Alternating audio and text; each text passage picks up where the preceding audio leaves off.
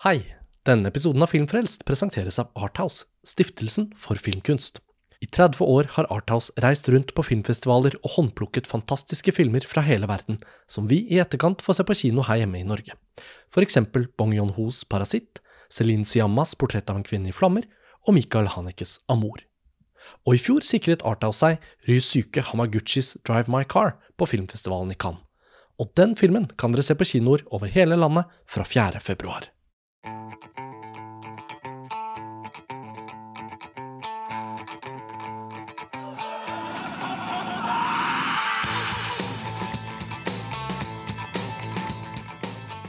Hei og velkommen til en ny episode av Filmfrelst, podkasten fra filmtidsskriftet montasj.no.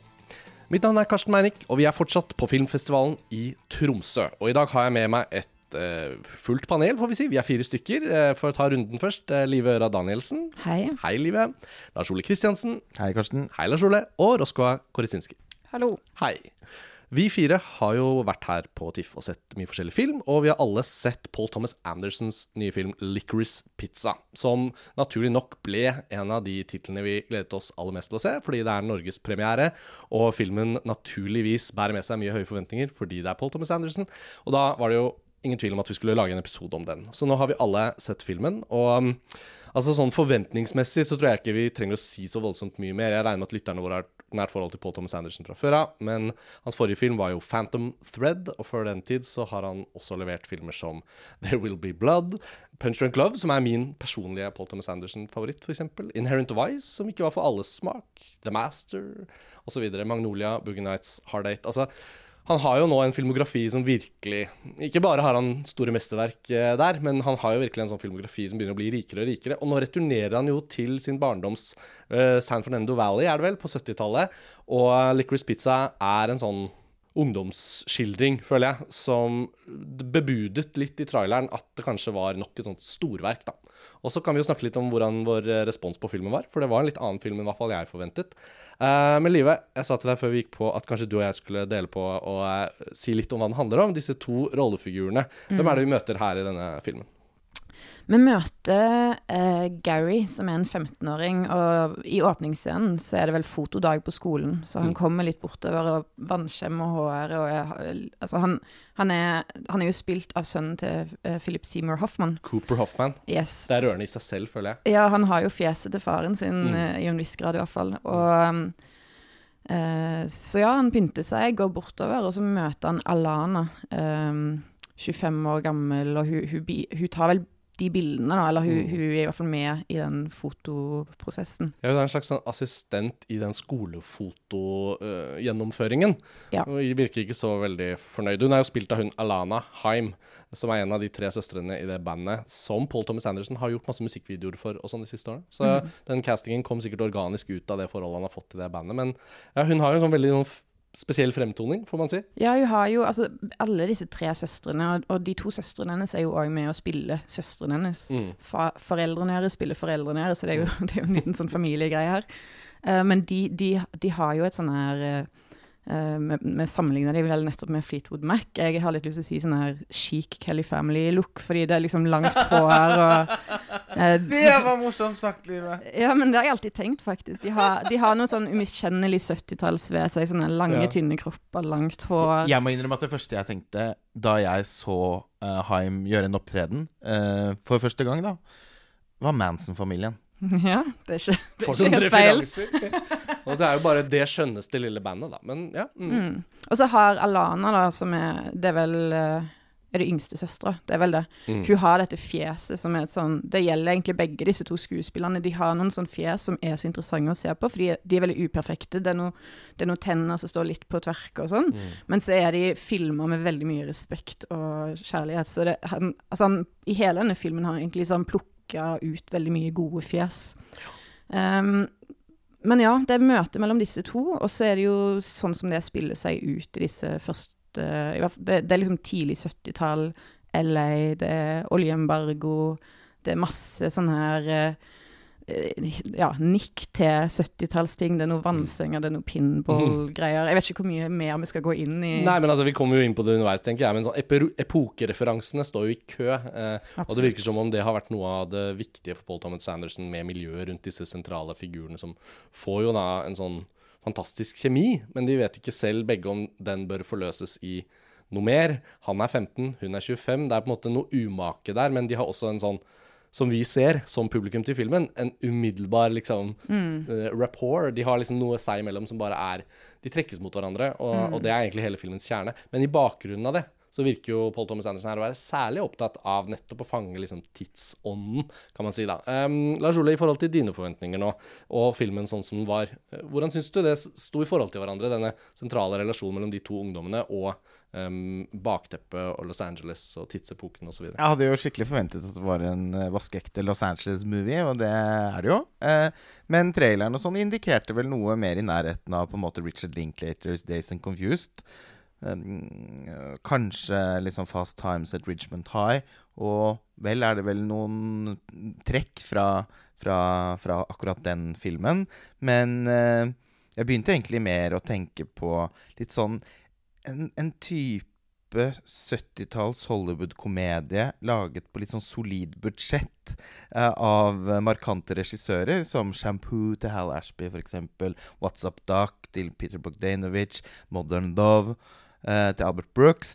Og det var ikke egentlig noe jeg hadde forestilt meg, for det er en ganske skranglete film som eh, ikke lar seg liksom plassere inn i en sånn eh, litt sånn satt tenåringsromanse, high school-filmsjanger, da. Mm.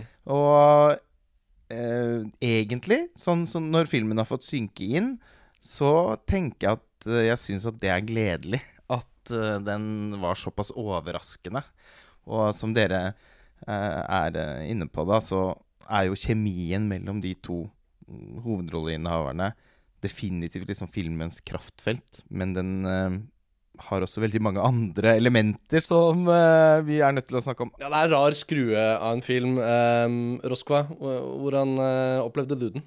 Jeg koste meg, det gjorde jeg. Eh, og samtidig, da jeg kom ut av salen og så litt de andre i kohortens reaksjoner, så tenkte jeg vel i mitt stille sinn at ja, dette var en film jeg likte, eh, men den er ikke for meg. Og det er ikke sånn at det nødvendigvis dreier seg om noe som burde vært annerledes eller svakheter ved filmen, bare rett og slett at man har noen preferanser, da, og at denne filmen kanskje står ganske langt unna mine preferanser. Men jeg likte veldig godt dette her med lekenheten. Eh, det føles veldig som en Det er på mange måter en veldig lett film, også sånn eh, det er en ja, veldig leken film eh, som føles mest som at noen har vært opptatt av å ha det gøy sammen, og så var det tilfeldigvis sånn at et publikum skulle se det på et tidspunkt. Altså den, den prøver ikke i det hele tatt på noen sånne publikumsfrierier til tross for lettheten, da.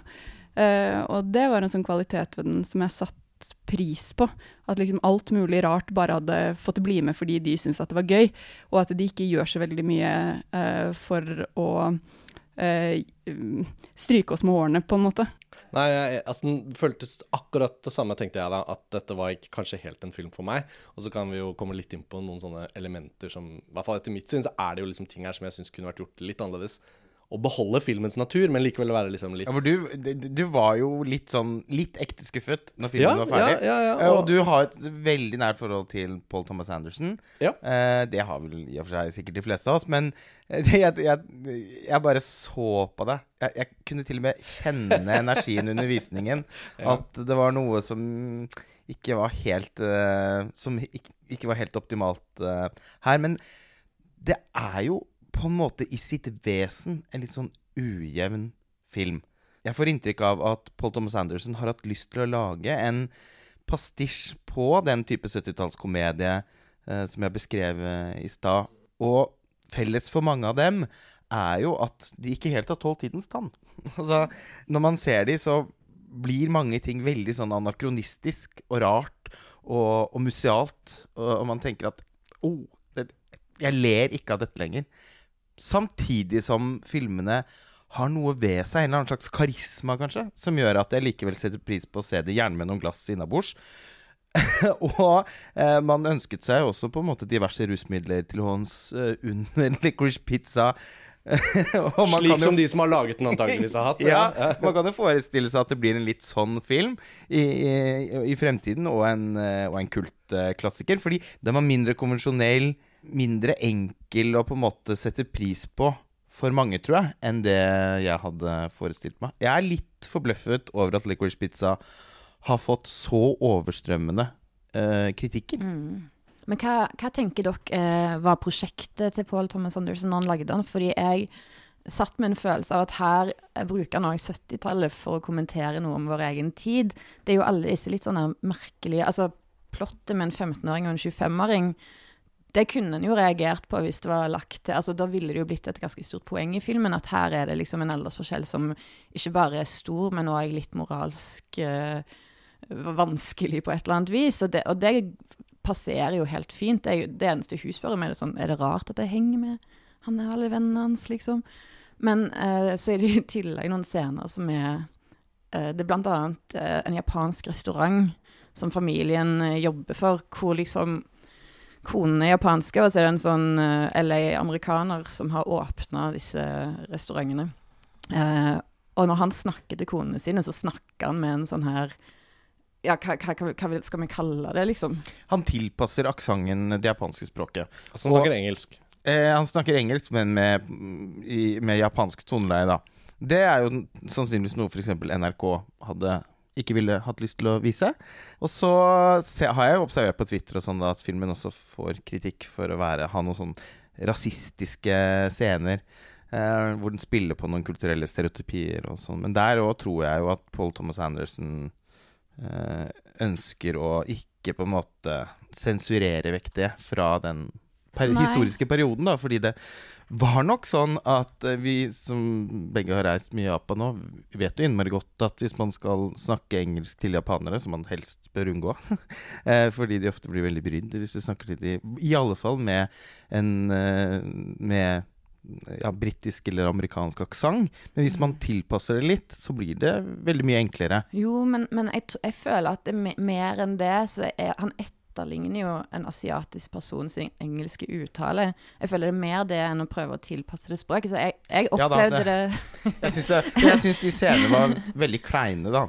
Ja, jeg opplevde det på en måte som et forsøk på å gjøre noe som skulle liksom stritte litt imot for seerne, og så Mm. si sånn Ja, hvordan funker dette i 2022? Mm. Fordi i 20, nei, 1973 funker det helt fint, på en måte. Altså det Ja. Og samme med en sånn castingscene eh, med en veldig ja, rusa, merkelig dame som sitter der og er mest av alt er opptatt av nesen til Alana Haim. And you got such a Jewish nose! Mm. Altså, det er mange ting her, da, men sånn som dette med Jewish Nose, bare for å ta det først, da.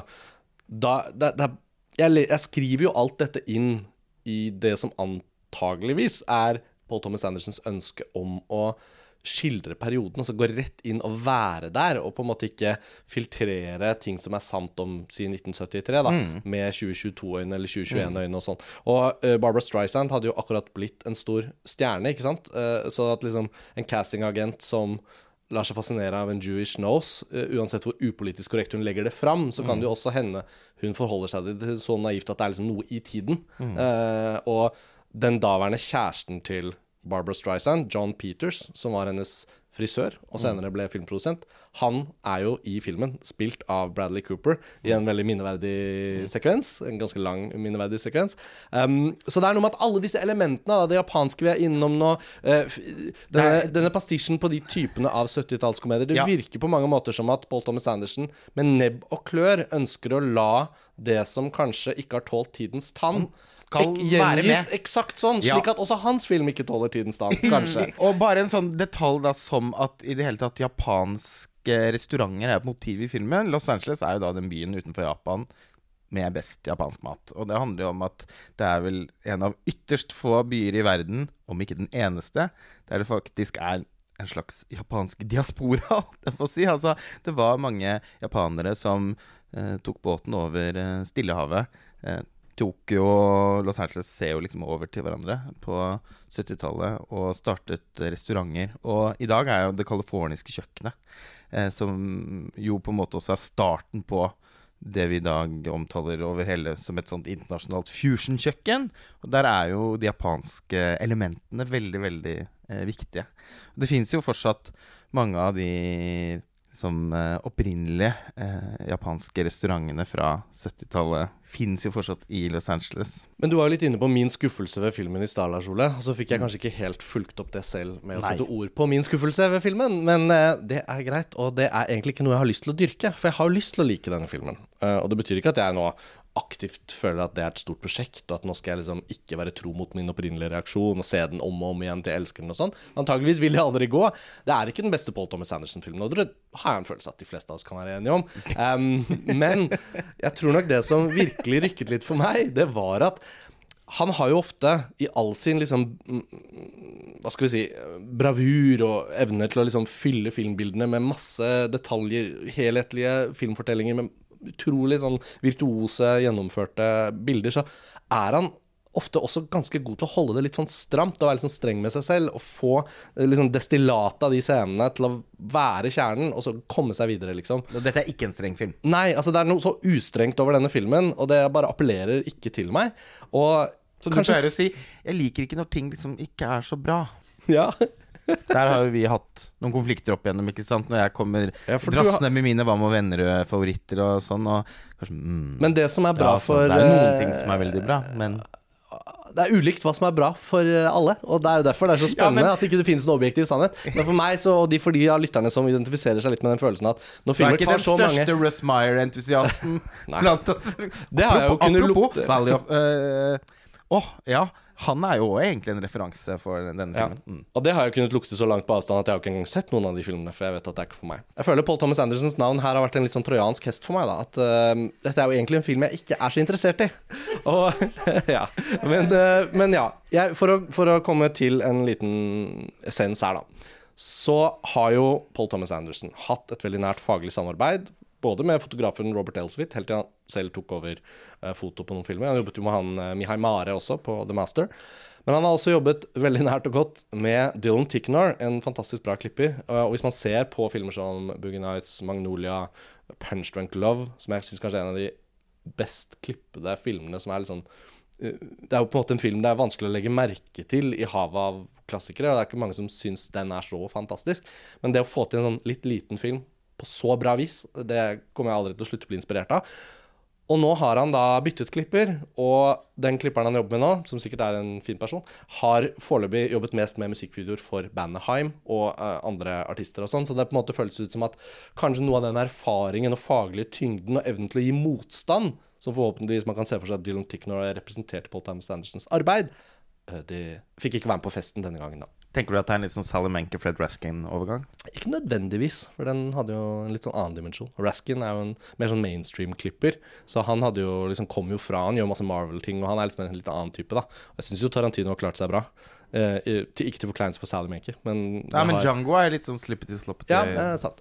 Men uansett, jeg skal ikke bruke all vår tid på dette. Men eh, jeg lander på at Licorice Pizza er en greit fornøyelig film. Som ikke liksom plaget meg, men som ikke var i stand til å bli den store filmen jeg hadde håpet den skulle være. Eh, vi kan jo ta en litt sånn runde mer på dette med hvor dere lander på filmen. Sånn, Og sånn kanskje hvilke scener Ja, men litt da. sånn hvilke scener man festet seg ved, eller det, Altså, filmen har jo noen litt utrolige øyeblikk. Um, ja, jeg, jeg trivdes veldig godt når jeg så i filmen. Dok, dere hadde alle tre sett den før meg, og jeg var litt um, Hva skal jeg si Jeg hadde vel fått uh, litt lavere forventninger etter å snakke Ja. særlig med deg, Karsten. Ja, ikke sant. Uh, jeg òg er veldig glad i Paul Thomas Anderson. Og, men jeg, jeg opplever at jeg hadde samme opplevelse som jeg hadde med Inherent Vice. Ja. At jeg syntes det var en glede å sitte i kinosalen, og jeg, jeg var med, og energien reiv meg liksom inn i filmen. Det er noe med måten musikken liksom er integrert i, for jeg har sett det jeg har gjort på utrolig mange kjipe måter, særlig når det er sånn 70-tallsfilm med 70-tallsmusikk, liksom. Og eh, det var virkelig mange scener som både ja, jeg syns var hysterisk morsomme og veldig meddrivende, og noen som var ganske sånn følsomme og gripende. Så altså, jeg, jeg, jeg satt og tenkte denne filmen liker jeg bedre enn de andre, og så kom jeg ut, og så gikk det to timer, og så var den liksom forsvunnet litt. Så det var en sånn her Akkurat som at du bare blir liksom i det tidsbildet litt. Og det er jo ikke sånn, det er jo ikke et forsøk på å gjøre et av Los Angeles eh, noe 70, liksom. Det, det er jo en film om en måte å lage film på, eller en film om filmmiljøet på et eller annet vis, føles det mer som.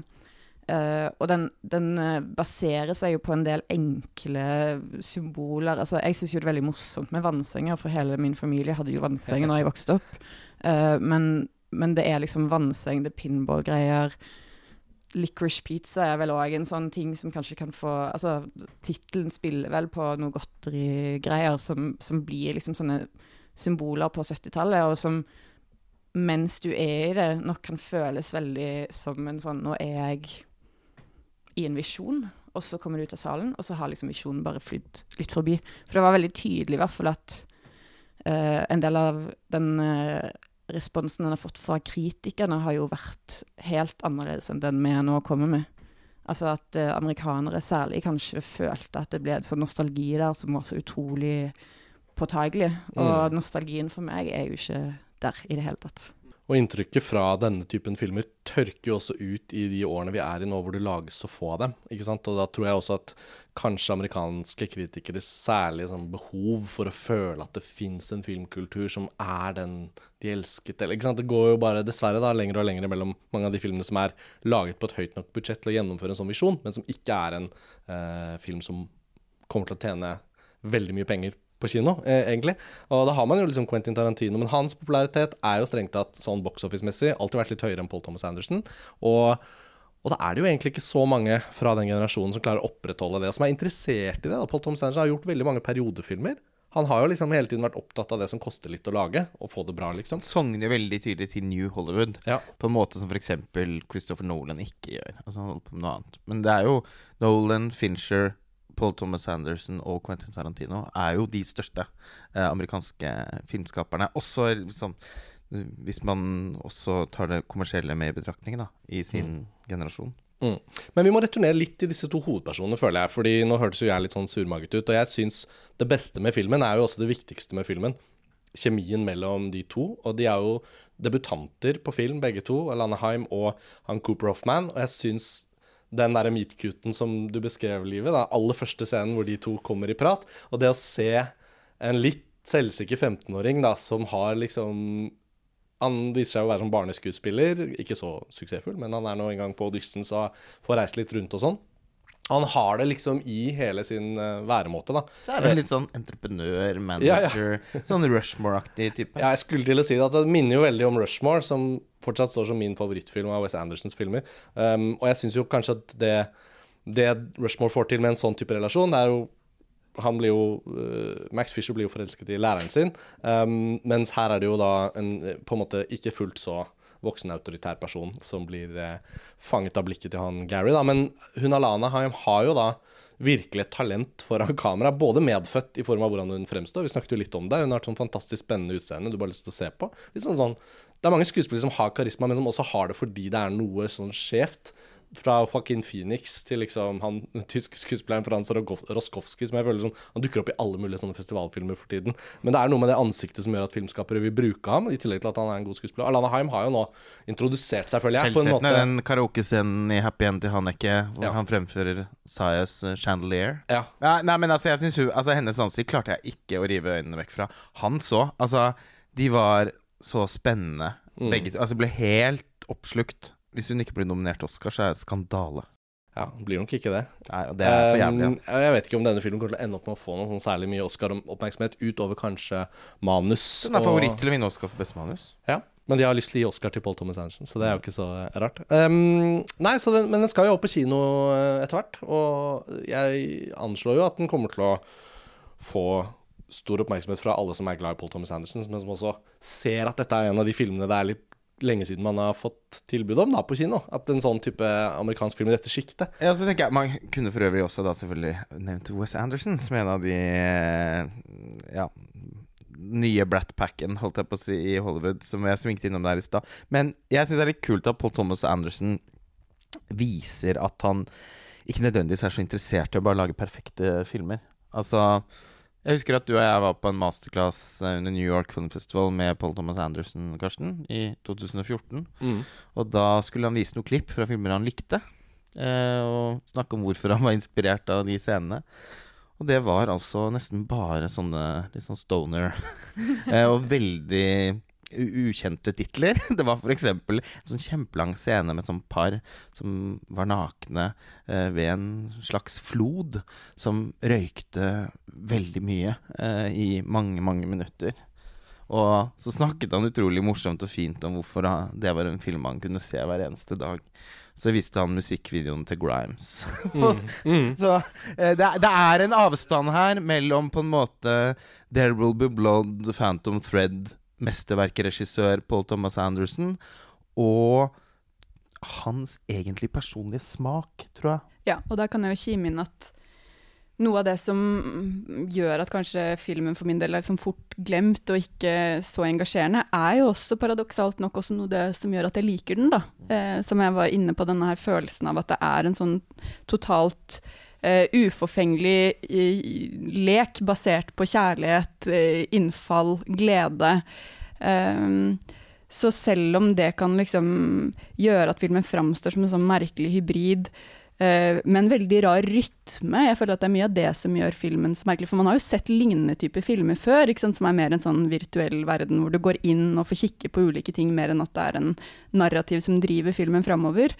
Og det kan jeg for så vidt like, men her er det noe med eh, musikaliteten, liksom, i hvor lenge en scene varer, eller en situasjon varer. Sånn, de kan være uforholdsmessig lange. Man, han bruker mye tid på noe som viser seg å egentlig ikke ha noe som helst hensikt i filmen, og som kanskje egentlig ikke er så gøy eller spennende heller. Så det er en sånn merkelig urytmisk opplevelse. Eh, så selv om det kanskje kan være med på å skape en avstand til meg som tilskuer, så, så er det jo også noe av det som gjør at jeg får på et annet nivå veldig respekt for filmen, da. Ja, det er noe veldig sånn Den utstråler en selvsikkerhet eh, som er smittsom. Jeg må si at jeg begynner å kjenne på at jeg elsker denne filmen litt, altså. Ja, men det er jo veldig jeg kan ikke vente med å, med å se den igjen. Og den har også noen helt utrolige scener, f.eks. en scene der de pga. denne oljekrisen eller bens og bensinutilgjengelighet blir nødt til å rygge en bil nedover Det må være enten Hollywood Hills eller Hollywood Land. Veldig bratte bakker. Eh, samme område som store deler av Once Upon a Time in Hollywood utspiller seg i.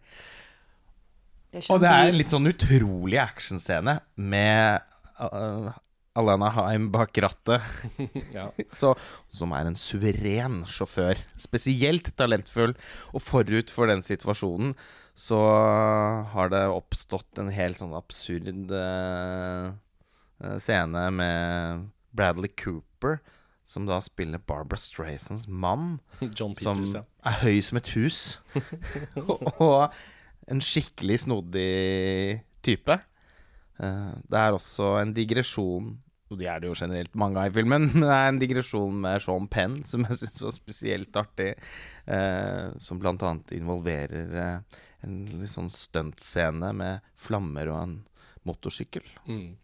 Ja, det er en film en som moped. Er man, man kunne avslutte på en hyggelig tone her, da. At det er jo en film som er rik på ideer og innfall og digresjoner som oppsamlet hvert fall gir en, en filmopplevelse å ta med seg, og som er eh, sjelden å se.